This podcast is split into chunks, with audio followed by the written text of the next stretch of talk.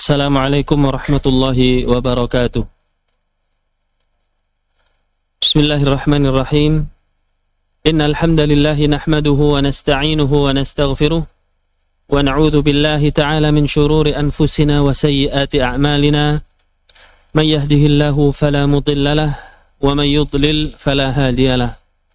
Wa ashhadu an la ilaha illallah wahdahu la sharika lah wa Muhammadan 'abduhu wa rasuluh salawatullahi الله وسلامه wa ala alihi wa ashabihi wa man نهجه ala nahjihi wa stanna bi sunnatihi ila yaumiddin amma ba'd.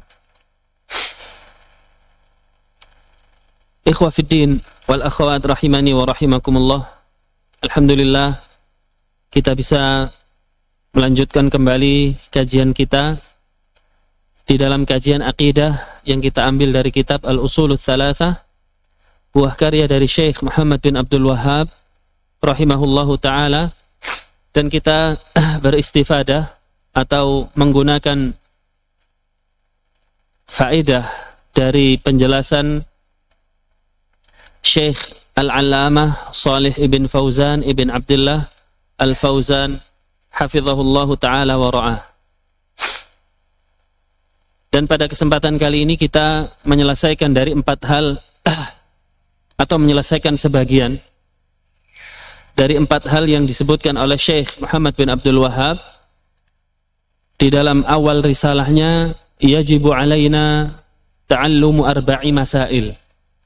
Wajib bagi kita mempelajari empat hal.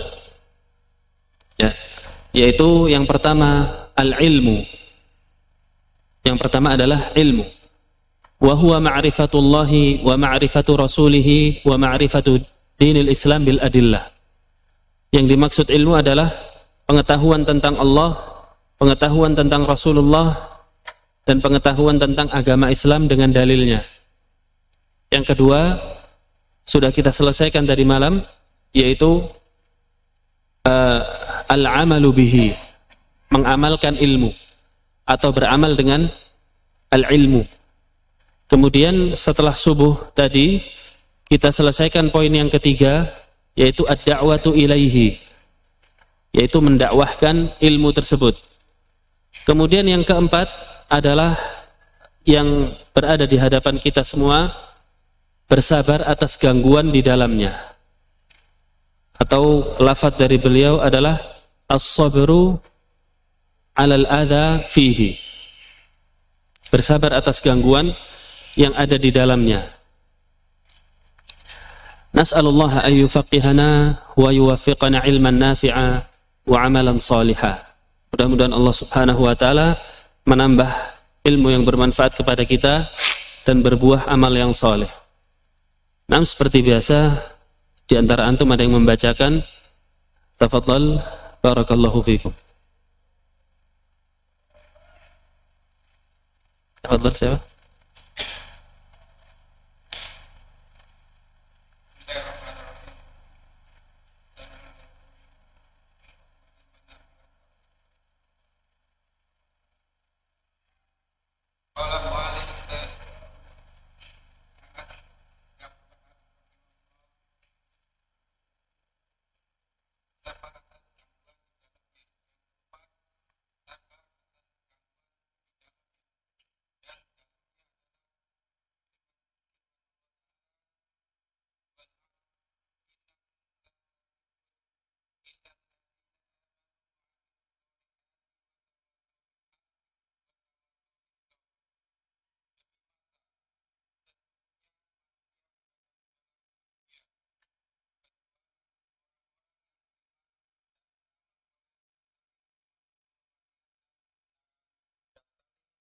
Mewasiatkan atas kesabaran.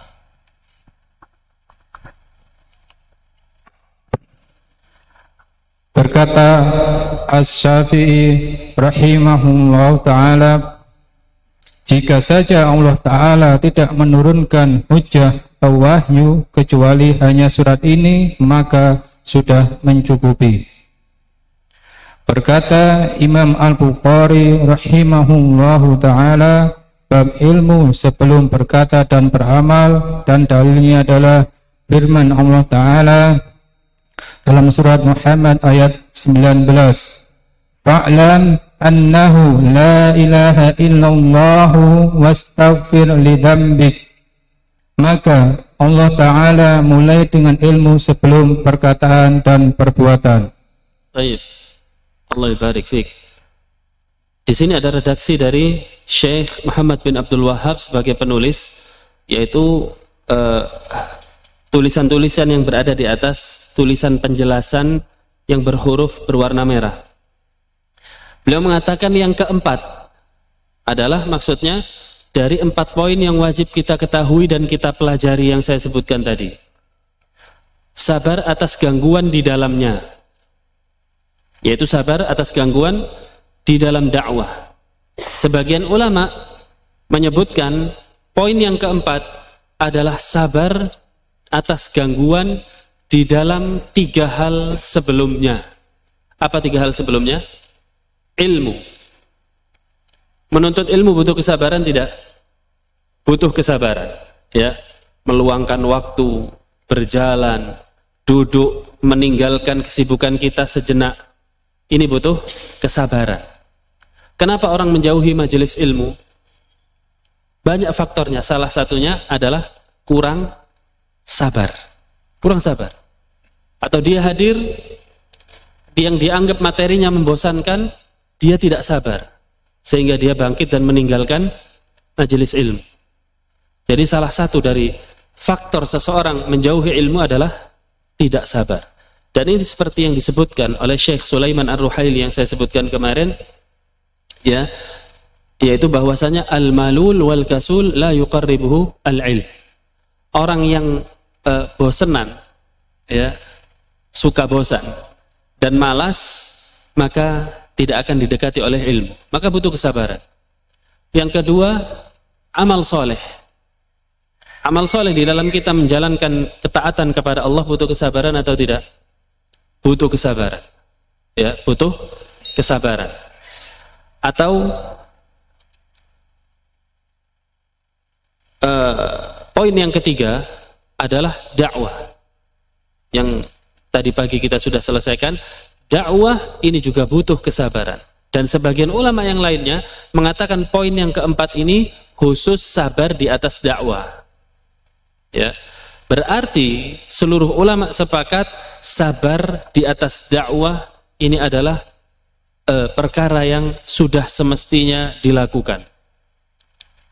Jamaah sekalian rahimani wa rahimakumullah.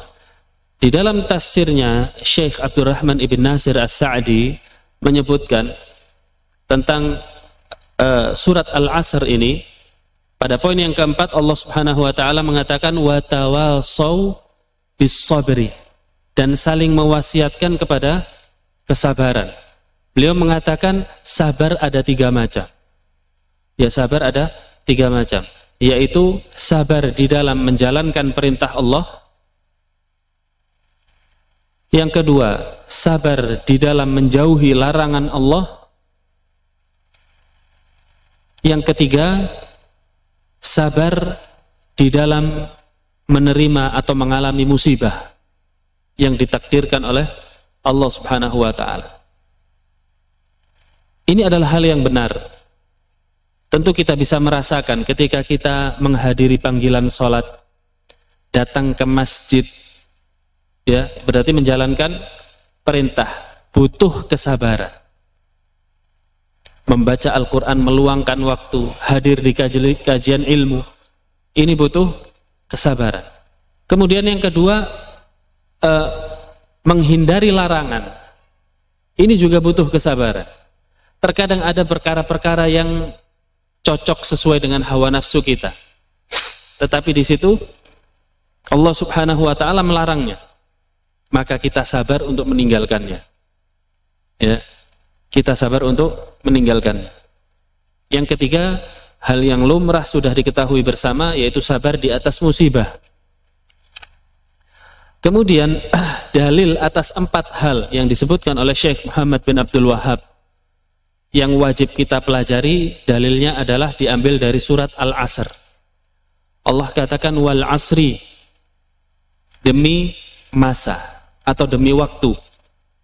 Kata Syekh Abdurrahman Ibn Nasir As-Sa'di di dalam tafsirnya, maksudnya adalah demi waktu ini adalah berisi tentang seluruh aktivitas kegiatan kita di dunia. Artinya adalah seluruh usia kita. Allah bersumpah dengannya. Allah bersumpah dengannya. Berarti kata para ulama, ketika Allah bersumpah atas nama makhluknya, berarti di situ ada hal yang istimewa. Entah ada keuntungan yang besar atau ada bahaya yang besar pula. Ya. Kemudian di ayat berikutnya Allah mengatakan innal insana lafi khusrin. Sesungguhnya manusia disebutkan manusia karena terlibat di dalam hal usia tadi, hal waktu tadi, kehidupannya di dunia. Sesungguhnya seluruh manusia termasuk kita berada di dalam kerugian. Ketika Allah Subhanahu wa taala sebutkan kerugian, berarti ini bukan main-main jamaah. Bukan seperti kalimat-kalimat rugi yang kita dengar di telinga kita. Coba bayangkan, Allah bersumpah demi masa kemudian diikuti dengan kerugian. Ya. Berarti kita bisa pikirkan, rugi itu adalah se sebuah hal ya yang apabila kita memilikinya kemudian terus berkurang, kan begitu. Kita memiliki terus berkurang bukan bertambah. Ini namanya rugi. Kalau rugi kita konversikan ke harta, ibaratnya orang kulak barang harga satu juta, uangnya besoknya kembali berapa? 800 ru, rugi. Dikulakkan lagi 800, besoknya kembali 600. Sampai habis. Rugi tidak? Ini namanya rugi. Kemudian, apakah hal ini kita hindari atau kita santai-santai saja? Maka kita hindari. Gimana caranya kalau sudah rugi hari ini, besok jangan sampai rugi lagi. Itu harta masih bisa dicari besok. Hari ini rugi besok bisa rugi rongatus hari ini. Besok saya cari untung 500 bisa nggak? Bisa. Tapi kalau waktu? Bisa. Makanya Allah sebutkan di sini kerugian di atas kerugian yang difahami oleh manusia. Bisa kita kembalikan usia kita kemarin? Nggak bisa. Hari ini kita sudah belum membaca Al-Quran ya sudah rugi. Nggak bisa besok Ya Allah, kemarin belum baca ya Allah. Kembalikan ya Allah. Saya dobeli baca. Bisa. Ini menunjukkan bahwasannya waktu, usia yang Allah bersumpah dengannya wal asr itu jauh lebih harus kita perhatikan daripada harta. Harta rugi hari ini besok bisa dikejar. Usia sama sekali tidak. Kalau kita santai Berarti seperti santainya kita di harta. Rugi 200. Ah nggak apa-apa lah. Besok lagi. Besok lagi sampai habis.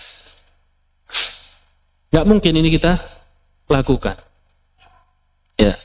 Maka kita jangan sampai melalui hari demi hari ini berada di atas kerugian. Alhamdulillah Allah subhanahu wa ta'ala kecualikan. Tidak termasuk empat golongan tadi di dalam kerugian. Makanya ditulis oleh Syekh Muhammad bin Abdul Wahab wajib bagi kita mempelajari empat hal supaya tidak rugi. Alias orang yang tidak tahu empat hal ini maka rugi. Ya, maka rugi. Kapan ruginya? Setiap hari. Terus dia berjalan sampai dia menemui ajalnya, berada di dalam kerugian. Waliya'udzubillah. Allah katakan illal ladzina amanu kecuali orang-orang yang beriman. Ya, sudah kita bahas masalah ilmu pada poin pertama. Wa amilus solihat dan beramal soleh. Kemudian watawasau bil haq saling mewasiatkan terhadap kebenaran atau dakwah. Ini sudah kita bahas pada tadi pagi yang sekarang adalah watawasau bis sabr dan mereka yang saling mengingatkan di atas kesabaran. Berkata Imam Ash-Syafi'i rahimahullahu taala, ya. Jika saja Allah taala tidak menurunkan wahyunya Al-Quran sebagai hujjah sebagai dalil kecuali hanya surat Al-Asr ini maka sudah cukup menunjukkan bahwasannya surat Al-Asr mencakup seluruh aspek kehidupan manusia ketika dia dipelajari dengan benar. Ya. Tapi Allah Subhanahu wa taala menurunkan firman-Nya seperti yang kita ketahui bersama sampai 30 juz yaitu Al-Qur'an secara utuh. Dan ini adalah yang kita bahas jamaah sekalian pada kesempatan kali ini. Adapun perkataan Imam Al-Bukhari sampai ke bawah insya Allah akan uh, disebutkan pada pertemuan yang akan datang. Baik, penjelasan.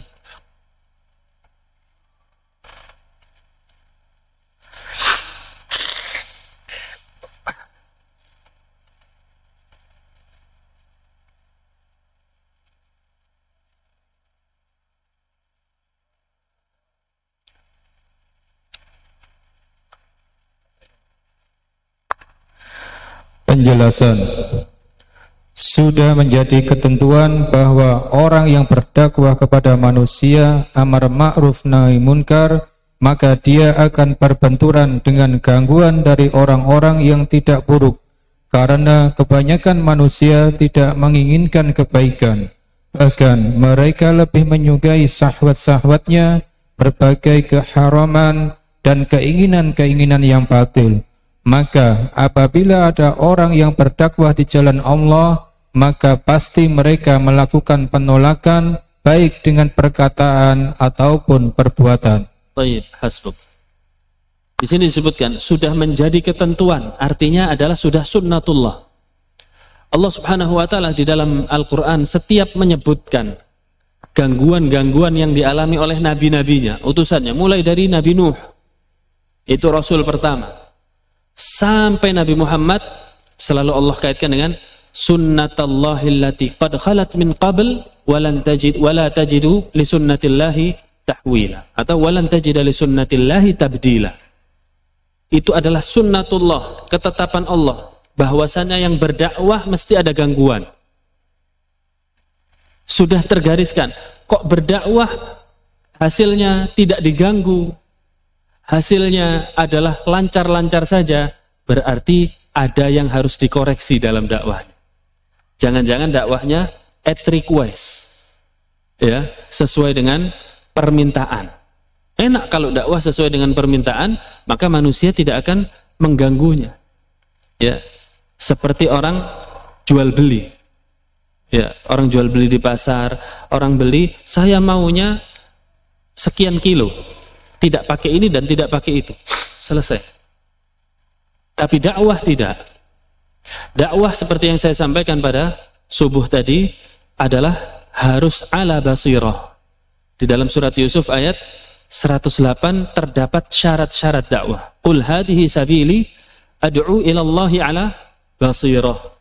Ya sudah dibahas tadi pagi bahwasanya seorang dai yaitu dakwah di atas ilmu dakwah di atas ilmu. Dan metode dakwah harus mengikuti metode dakwahnya Nabi Muhammad sallallahu alaihi wasallam. Yaitu awal mula yang diajarkan adalah tauhid dan menghindarkan manusia dari perbuatan syirik. Kemudian mengenalkan bahwasanya Nabi Muhammad adalah sosok manusia yang harus diikuti dan amalan-amalan yang tidak diajarkan olehnya termasuk bid'ah. Dan itu harus dijauhi. Itu itu adalah asas dakwah dan itu mencakup dua kalimat syahadat. Sebagaimana yang diajarkan oleh Nabi Shallallahu Alaihi Wasallam kepada Muad bin Jabal, ya Muad, diutus ke Yaman, ya, ya Muad, sesungguhnya engkau akan menemui kaumun min ahlil kitab, ya, sebuah kaum dari ahlul kitab. Maka ajarkanlah kepada mereka yang pertama apa? Ashhadu an la ilaha illallah wa anni rasulullah.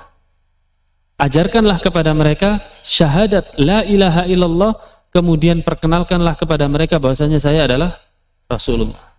Kemudian beliau mengatakan fa in ata'tum fa in ata'ukum dzalik kalau mereka sudah paham, sudah mentaatimu di dalam hal itu, baru ajarkanlah sholat.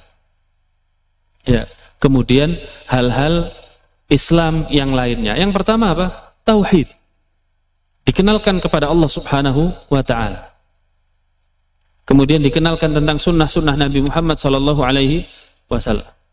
Nah, karena inilah orang yang berdakwah langsung ada pertentangan sebagaimana Nabi Muhammad sallallahu alaihi wasallam sebelum diutus menjadi rasul siapa yang tidak senang kepada beliau bahkan beliau dijuluki sebagai al-amin orang yang dapat dipercaya seluruh keputusan yang diputuskan oleh Muhammad sebelum jadi rasul mereka ridho orang-orang kafir Quraisy ridho tetapi ketika Nabi Muhammad mengumpulkan mereka Kemudian Nabi Muhammad berbicara di atas bukit kepada mereka. Ya ma'asyara Quraisy, wahai sekalian orang Quraisy.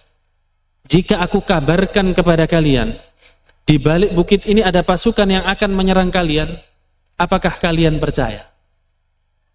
Ke apa kata mereka? Iya. Sesungguhnya tidak susah bagi kami untuk mempercayaimu. Karena memang engkau dikenal sebagai orang yang jujur. Bayangkan. Akhirnya Nabi mengatakan, kalau begitu, ya, kalau begitu, u'budullaha wa la tusyriku bihi syai'ah. Menyembahlah kalian kepada Allah. Jangan berbuat syirik. Apa kalimat pertama? Tanggapannya dari pamannya sendiri. Tabban laka ya Muhammad. Celaka engkau wahai Muhammad. Alihada jama'atana? Apakah karena kalimat ini, kalimat apa? La ilaha illallah engkau mengumpulkan kami? Ini pertama. Pertama respon yang diberikan oleh masyarakat dakwah Nabi Muhammad bukan kita. Nabi Muhammad adalah penolakan. Ya. Ini ada ustadz ceramah ceramah ya. Kalau menjelaskan ilmu beda dengan ceramah. Ceramah luas saja. Menjelaskan ilmu tidak ada gangguan. Wah, ini dipertanyakan. Ya, seperti tadi jangan-jangan apa? sesuai dengan ya menu yang dipesan. Amar ma'ruf nahi mungkar maka dia akan berbenturan dengan gangguan dari orang-orang yang buruk yaitu tidaknya salah cetak ya. orang-orang yang buruk. Karena kenapa? Kebanyakan manusia tidak menginginkan kebaikan. Ini seperti firman Allah Subhanahu wa taala, "Innan nafsa la'ammaratun bisu." Sesungguhnya jiwa itu hawa nafsu itu pasti condong kepada keburukan. Ya, keburukan. Makanya ketika Rasul datang menyeru kepada mereka, pertama selalu ditolak. Dari zaman Nabi Nuh sampai zaman Nabi Muhammad sallallahu alaihi wasallam dan orang-orang yang mengikuti mereka dengan baik. bahkan mereka lebih menyukai syahwat-syahwatnya ya akhirnya terjadi apa? Segala macam syirik segala macam bid'ah segala macam haram dikit-dikit bid'ah. Dakwah apa ini? Ya, begitu. Ini karena berangkat dari syahwatnya. Maka yang demikian kita harus sabar. Ya kita harus sabar. Dengan menyukai berbagai keharaman dan keinginan-keinginan yang batil maka apabila ada orang yang berdakwah di jalan Allah maka pasti mereka melakukan penolakan. Baik dengan perkataan ataupun dengan perbuatan. Ya, segala macam cara akan digunakan. Bagaimana kita saksikan Nabi Muhammad SAW mulai dari pemboikotan atau penyiksaan ancaman terhadap keluarga Nabi, kemudian siksaan terhadap para pengikut Nabi, ya Bilal bin Rabah disiksa, Ammar bin Yasir dibunuh ayah ibunya di hadapannya, ya. Kemudian bagaimana kemu mereka melakukan diplomasi, kekasaran sudah akhirnya diplomasi baik-baik, wahai Muhammad, ya yang datang adalah Utbah bin Rabi'ah diutus oleh Abu Jahal. Wahai Muhammad, karepmu ini apa sih? apakah kamu mau menjadi pemimpin kami? Kami akan berikan kepemimpinan padamu. Kita akan hormat kepadamu. Atau engkau ingin ingin harta? Kami seluruh kaum Quraisy akan mengumpulkan harta dan akan kami serahkan kepadamu. Atau engkau engkau ingin menikah kepada perempuan kami akan pilihkan ya beberapa wanita bukan satu beberapa wanita yang engkau inginkan yang cantik-cantik kami akan berikan kepada ya maka Nabi tersenyum dianggap dakwah ini seperti barang dagangan. Ini menunjukkan bahwasanya tidak boleh dakwah at request. Ya. Sudahlah ini begini nanti ya kita ngomong halal kalau di sini. Kalau di sana baru ngomong haram. Menjaga perasaan kata. Ini nggak boleh seperti ini. Ya, ungkapkan yang hak itu adalah hak yang batil adalah batil. Tentu dengan hikmah wal mau'izatil hasanah kemudian cara berikutnya mereka memboikot Nabi Shallallahu Alaihi Wasallam beserta keluarganya. Sampai-sampai disebutkan tidak boleh melakukan hubungan dagang. Tidak boleh menikah dengan keluarga Bani Abdul Muttalib yaitu kakeknya Nabi. Sampai-sampai tidak bisa makan mereka keluarga Nabi dan para pengikutnya. Disebutkan oleh Sa'ad bin Abi Waqqas ya kita nggak ada apa-apanya coba Sa'ad bin Abi Waqqas karena lapar saya keluar malam-malam ketika saya keluar malam-malam cari makanan saya menginjak barang yang lembek di bawah. Nggak kelihatan karena malam gelap. Lembek saya makan, nggak tahu apa itu. Bayangkan, nggak ada gangguan di zaman ini seperti itu.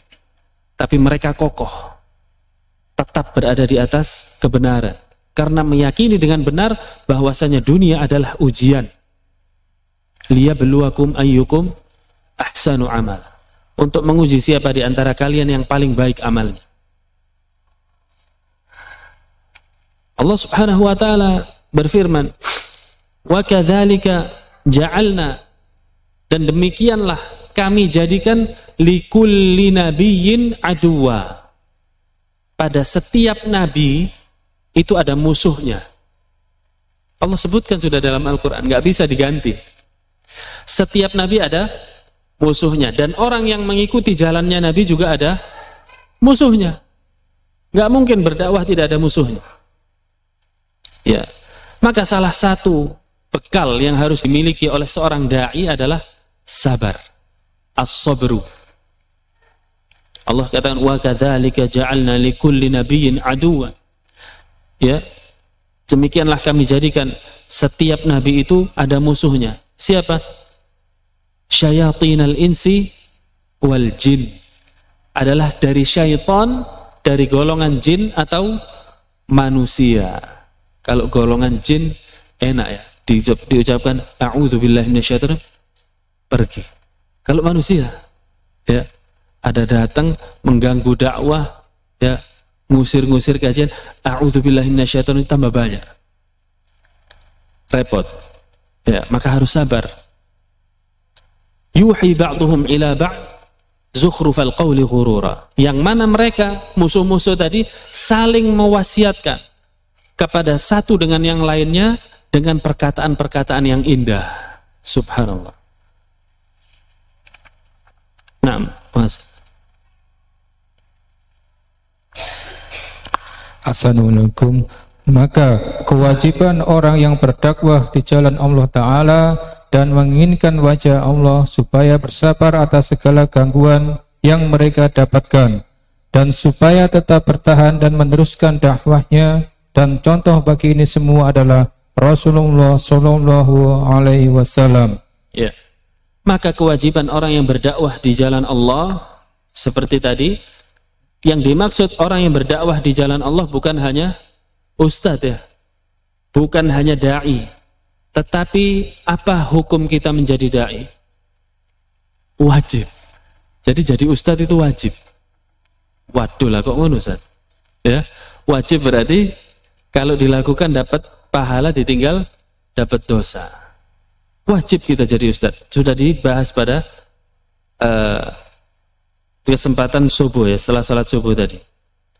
Tapi alhamdulillah ya, yang dimaksud wajib di situ bukan ustadz yang sesuai kita pikirkan ber, apa berdiri di atas mimbar atau di depan manusia. Yang wajib itu adalah kita semua menjadi beban kita semua adalah menjadi ustadz untuk keluarga kita.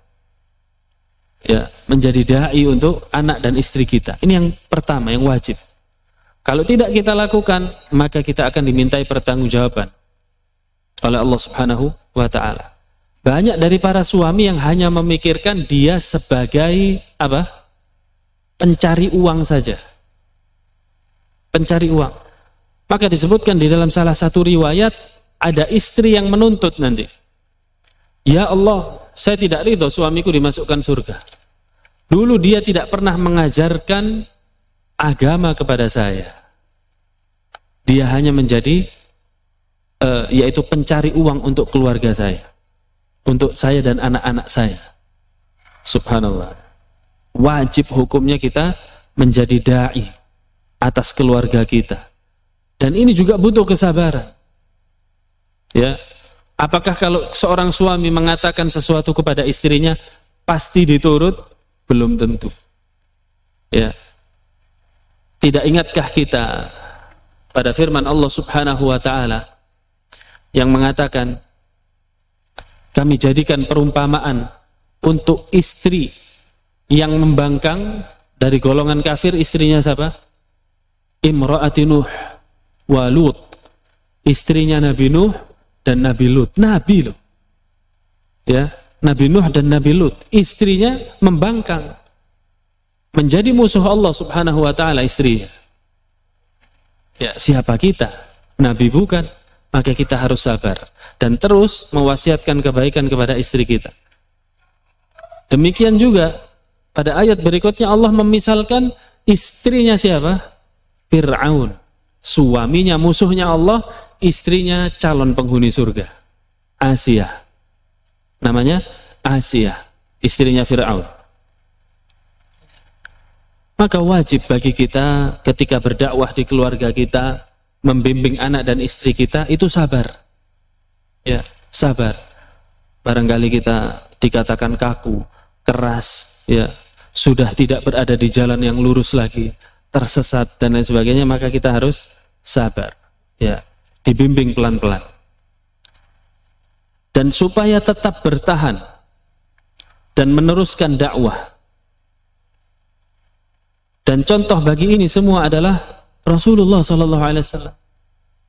Cukup bagi kita contoh Nabi kita Muhammad Sallallahu Alaihi Wasallam di dalam dakwahnya. Ya, baik. Assalamualaikum. Maka, eh, maka, maka apa yang didapati oleh manusia, berapa banyak gangguan berupa lisan dan tulisan, mereka mencela beliau dengan mengatakan penyihir, pendusta, gila dan lain-lain. Bahkan beliau dilempari dengan batu ketika bertakwa mengajak manusia ke jalan Allah. Ada pula yang meletakkan isi perut unta di atas leher beliau ketika sujud, diancam bunuh dan disiksa. Begitu pula dalam peperangan Uhud, beliau mengalami patah pada gigi taringnya dan luka pada bagian kepalanya terjatuh di dalam lubang sementara beliau adalah nabi Allah. Ya. Maka apa yang didapati oleh manusia, ya? Tidakkah manusia berpikir berapa banyak gangguan berupa lisan dan tulisan? Salah satunya adalah mereka yaitu kaum kafir Quraisy dan para sekutunya menyiksa Nabi Muhammad sallallahu alaihi wasallam. Ya. Mereka menuduh Nabi dengan sahir, penyihir, ya, pendusta, gila, dan lain-lain. Kita baru dikatakan apa? Teroris sudah mutung, sudah ngambul ya. Ini hal yang cengeng ya, hal yang tidak benar. Bagaimana kita ingin memperjuangkan, memperjuangkan kebenaran sementara dengan celaan saja kita kalah. Ya, maka harus kita tetap tersenyum dan sabar untuk memperjuangkan agama Allah Subhanahu wa taala. Nabi sallallahu alaihi wasallam dikatakan penyihir, pendusta. Ya, justru dengan gangguan-gangguan ini hikmahnya keburukan ini diciptakan oleh Allah atau tidak? Allah yang menciptakan. Berarti semua ciptaan Allah ada hikmahnya. Ya, contoh eh, apa yang buruk di, eh, di kita anggap buruk di sisi kita, nyamuk contoh. Nyamuk baik atau buruk? Hah? Secara buruk. Tapi coba antum ke depan pabrik baygon. Nyamuk ini sebaiknya dimusnahkan. Oh jangan. Tutup nanti pabrik ini. Ya, pabrik obat nyamuk. Tutup. Artinya, sebagian manusia atas ciptaan Allah mengatakan baik, sebagian mengatakan buruk. Ya. Sakit, baik atau buruk sakit itu? Buruk. Coba kita seandainya di dunia ini tidak ada yang sakit, para perawat, dokter dan rumah sakit protes. Oh jangan, ya. Biarkan ada yang sakit. Biar kita tangani. Ya begitu ya, semua ada timbangannya. Semua ada pasang-pasangannya. Dan di dalam keburukan, di dalam dakwah, seperti celaan seperti ini, ini ada hikmahnya, ada faedahnya. Kata Syekh Muhammad ibn Salih al-Uthaymin di dalam kitabnya Syarah Kashfu Syubhat, mengatakan bahwasanya gangguan ini justru adalah faktor penguat iman. Gangguan itu adalah faktor penguat iman. Ya. Kalau tidak ada gangguan, bisa saja iman kita itu goyah. Bisa saja iman kita goyah, jamaah sekalian ya. Maka gangguan-gangguan ini adalah ujian layaknya anak sekolah ketika sudah selesai di akhir tahun, maka dia harus ada apa? Ujian. Kenapa? Untuk memperkokoh ilmunya. Dan supaya tahu siapa yang pantas naik ke jenjang berikutnya dan siapa yang pantas untuk tinggal kelas. Sama juga dengan dakwah. Ya, celaan, gangguan ini adalah ujian bagi kita. Maka bersabarlah. Bahkan beliau dilempari batu ketika berdakwah mengajak manusia ke jalan Allah dan hal ini terjadi ketika beliau ingin berdakwah ke Taif. Ya, ingin berdakwah ke ke Taif. Ketika berada di uh, penghujung atau gerbang kota Taif langsung disambut dengan lemparan anak kecil ya melempari batu sehingga kepala Nabi SAW berdarah kemudian datang Jibril mengatakan wahai Muhammad ini sebentar lagi ada malaikat penjaga gunung yang akan menawarkan sesuatu kepadamu datanglah malaikat tersebut kemudian mengatakan wahai Muhammad jika engkau mau saya akan timpakan dua gunung itu kepada mereka.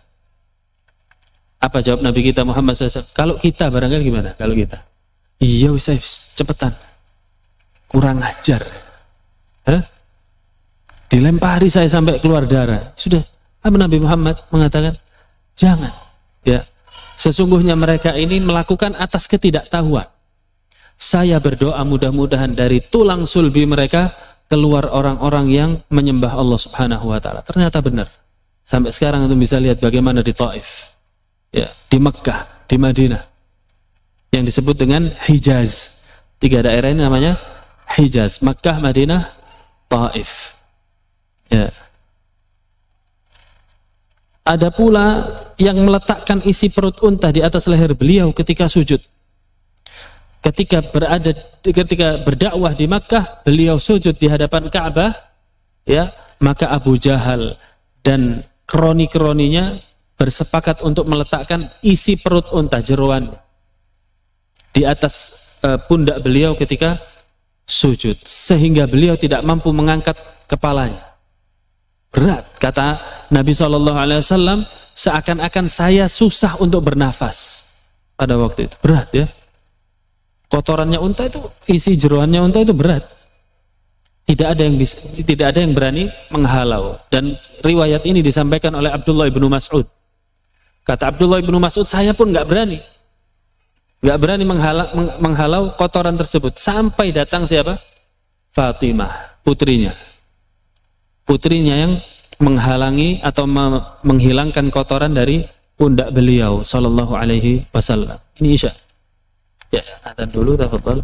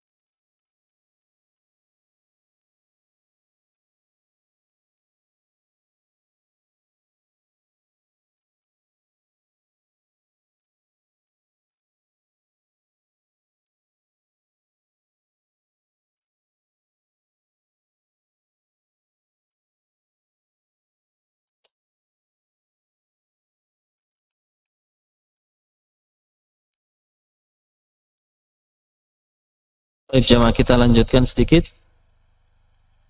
Kemudian beliau juga diancam bunuh ya dan siksa. Begitu pula di dalam peperangan Uhud. Beliau mengalami patah pada gigi taringnya dan luka pada bagian kepalanya.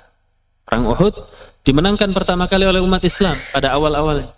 Kemudian pasukan pemanah turun tidak mengikuti arahan dari Nabi Shallallahu Alaihi Wasallam diambil alih oleh Khalid bin Walid dan pada saat itu pasukan eh, kaum kafir Quraisy yang sudah mundur kembali.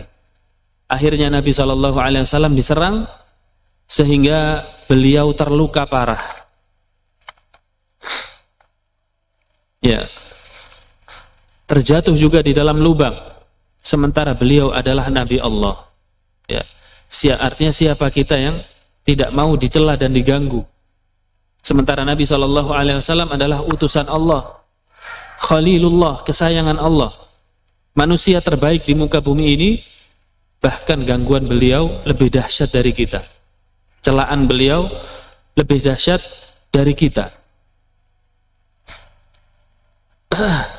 Maka semua gangguan-gangguan yang beliau alami di dalam dakwah beliau sikapi dengan sabar.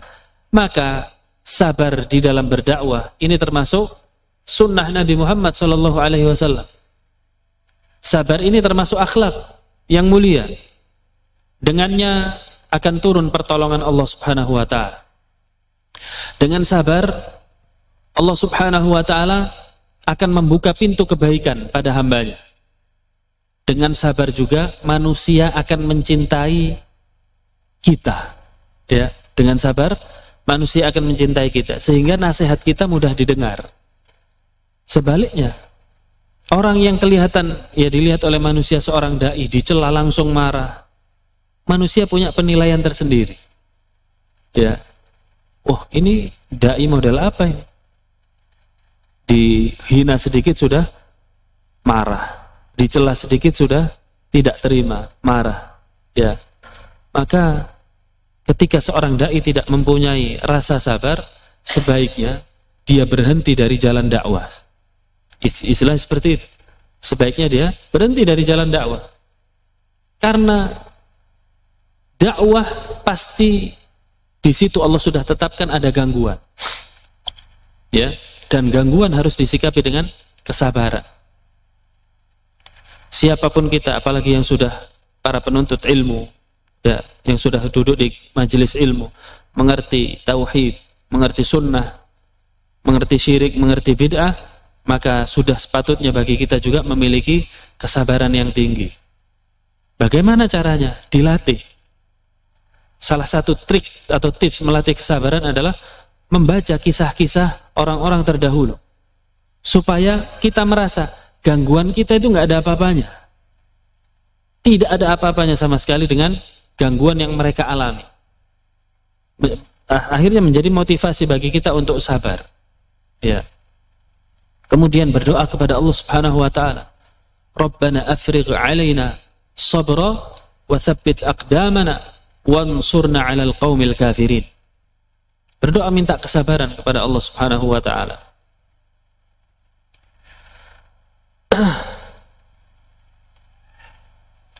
Nah, masuk.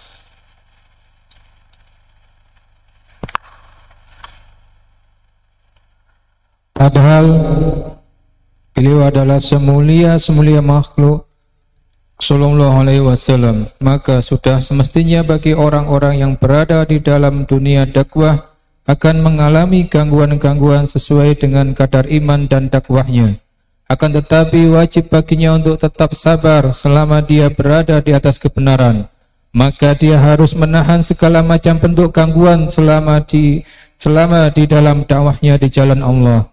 Maka itu adalah timbangan kebaikannya kelak dan pahala di sisi Allah Azza wa Jalla. Iya. Maka sudah semestinya bagi orang-orang yang berada di dalam dunia dakwah ini akan mengalami gangguan, sudah digariskan oleh Allah ya. Yaitu sesuai dengan kadar iman dan dakwahnya, ya. Gangguannya Nabi tidak sama dengan gangguannya kita. Kenapa? Karena imannya Nabi lebih tinggi dari iman kita. Gangguannya para sahabat ya tidak sama dengan gangguan kita. Ujiannya tidak sama karena mereka lebih besar keimanannya daripada kita. Bayangkan kalau kita berada di barisan pasukan Badar pada waktu itu. Ya. Seperti kita ini berasa berada di pasukan Badar, melihat musuh seribu orang. Ya. Ini cuma berapa?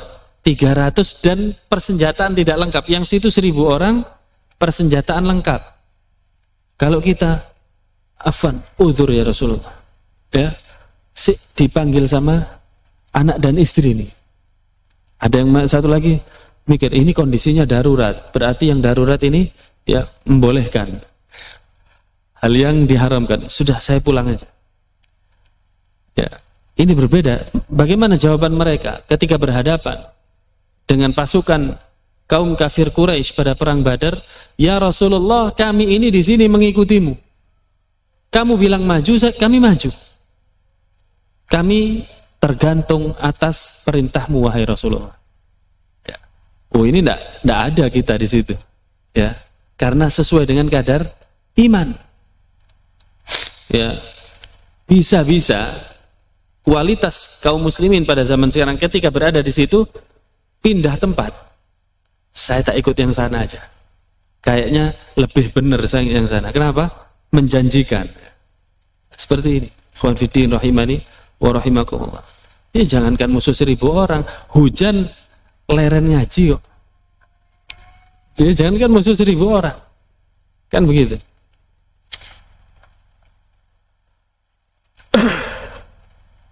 Kita lihat bagaimana Nabi Nuh Bagaimana sabarnya Nabi Nuh? Berapa tahun dakwahnya? Nabi Nuh. Ya, 950 tahun. 950 tahun berdakwah mengajak kaumnya ke jalan Allah Subhanahu wa taala. Yang disebutkan di dalam surat Nuh, ya, setiap Nabi Nuh berdakwah dikumpulkan oleh Nabi Nuh, kaumnya berkumpul, ya. Kemudian ja'alu asabi'ahum fi adhanihim wastaghshaw thiyabahum Ya. Ibaratnya begini, ayo Nuh, kita sudah kumpul ini, kamu bicara. Innal hamdalillahi nahmadu. Di depan Nabi Nuh begini. Ya? Gimana kalau kita? Kurang ajar ya? Hah? Atau ya sudah saya pergi pulang? Enggak, Nabi Nuh tetap. Ya, ditutup telinganya di hadapan Nabi. Kemudian ditutupkan bajunya di wajahnya. Kurang ajarnya kaumnya Nabi Nuh. Sampai-sampai Nabi Nuh mengatakan, Anni maghlubun fantasir. Sudah nggak kuat. Nabi Nuh berdoa, Ya Allah, saya adalah orang yang dikalahkan, dinistakan oleh kaumku, maka tolonglah saya. Maka Allah Subhanahu wa taala mengatakan, "Wa fatahna abwaabas sama bikulli ma'in munhamir." Akhirnya kata Allah, kami buka pintu langit dan kami turunkan air yang sangat deras, kemudian dari muka bumi juga muncul air sampai dari tungku-tungku yang harusnya keluar api tungku itu tapi karena doa Nabi Nuh tadi dikabulkan oleh Allah tungku tadi keluar air dihabiskan oleh Allah Subhanahu wa taala. Intinya dari kesabaran Nabi Nuh 950 tahun ya untuk berdakwah di jalan Allah Subhanahu wa taala kita kadang cuma 9 bulan sudah ini kartu mati Ustaz sudah nggak bisa didakwahi ini subhanallah ya ini coret dari ahlu sunnah, gak bisa. Ya, subhanallah. Maka kita harus sabar terus dan punya optimis seorang dai. Seorang penggiat dakwah harus punya optimisme. Ya. Jadi beberapa hal yang harus dimiliki. Yang pertama, untuk ustadz dan penggiat dakwahnya yaitu ilmu. Otomatis yang pertama, ilmu Thummal ikhlas. Kemudian ikhlas di dalam dakwahnya. Ah, ini juga penggiat dakwah juga termasuk di sini, mempunyai ikhlas. Kemudian as-sabru. Sabar. Kemudian mengamalkan ilmunya. Karena ini sebagai contoh.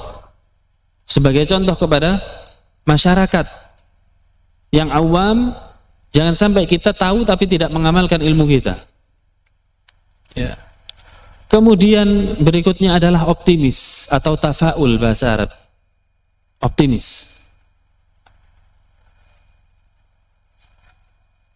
Tidak bisa kena orangnya, oh kalau gitu anaknya saja. Ini optimis. Anaknya nggak bisa saudaranya. Saudara nggak bisa nanti keponakannya. Terus begitu. Di dalam berdakwah. Karena di dalam berdakwah itu nggak ada kewajiban kita untuk merubah manusia supaya dapat hidayah, nggak ada.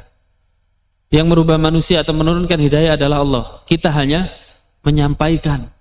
Kita hanya menyampaikan, tidak lebih dari itu. Maka dia harus menahan segala macam bentuk gangguan selama di dalam dakwahnya di jalan Allah, maka itu adalah timbangan kebaikannya ini adalah yang kita harapkan di dalam mengajak manusia ke jalan Allah adalah pahala. Ya, adapun hidayah di tangan Allah dan pahala di sisi Allah Azza wa Jalla. Mungkin ini yang bisa kita kaji pada kesempatan kali ini. Silahkan jika ada yang mau disampaikan sebelum ditutup. Barakallahu fikum.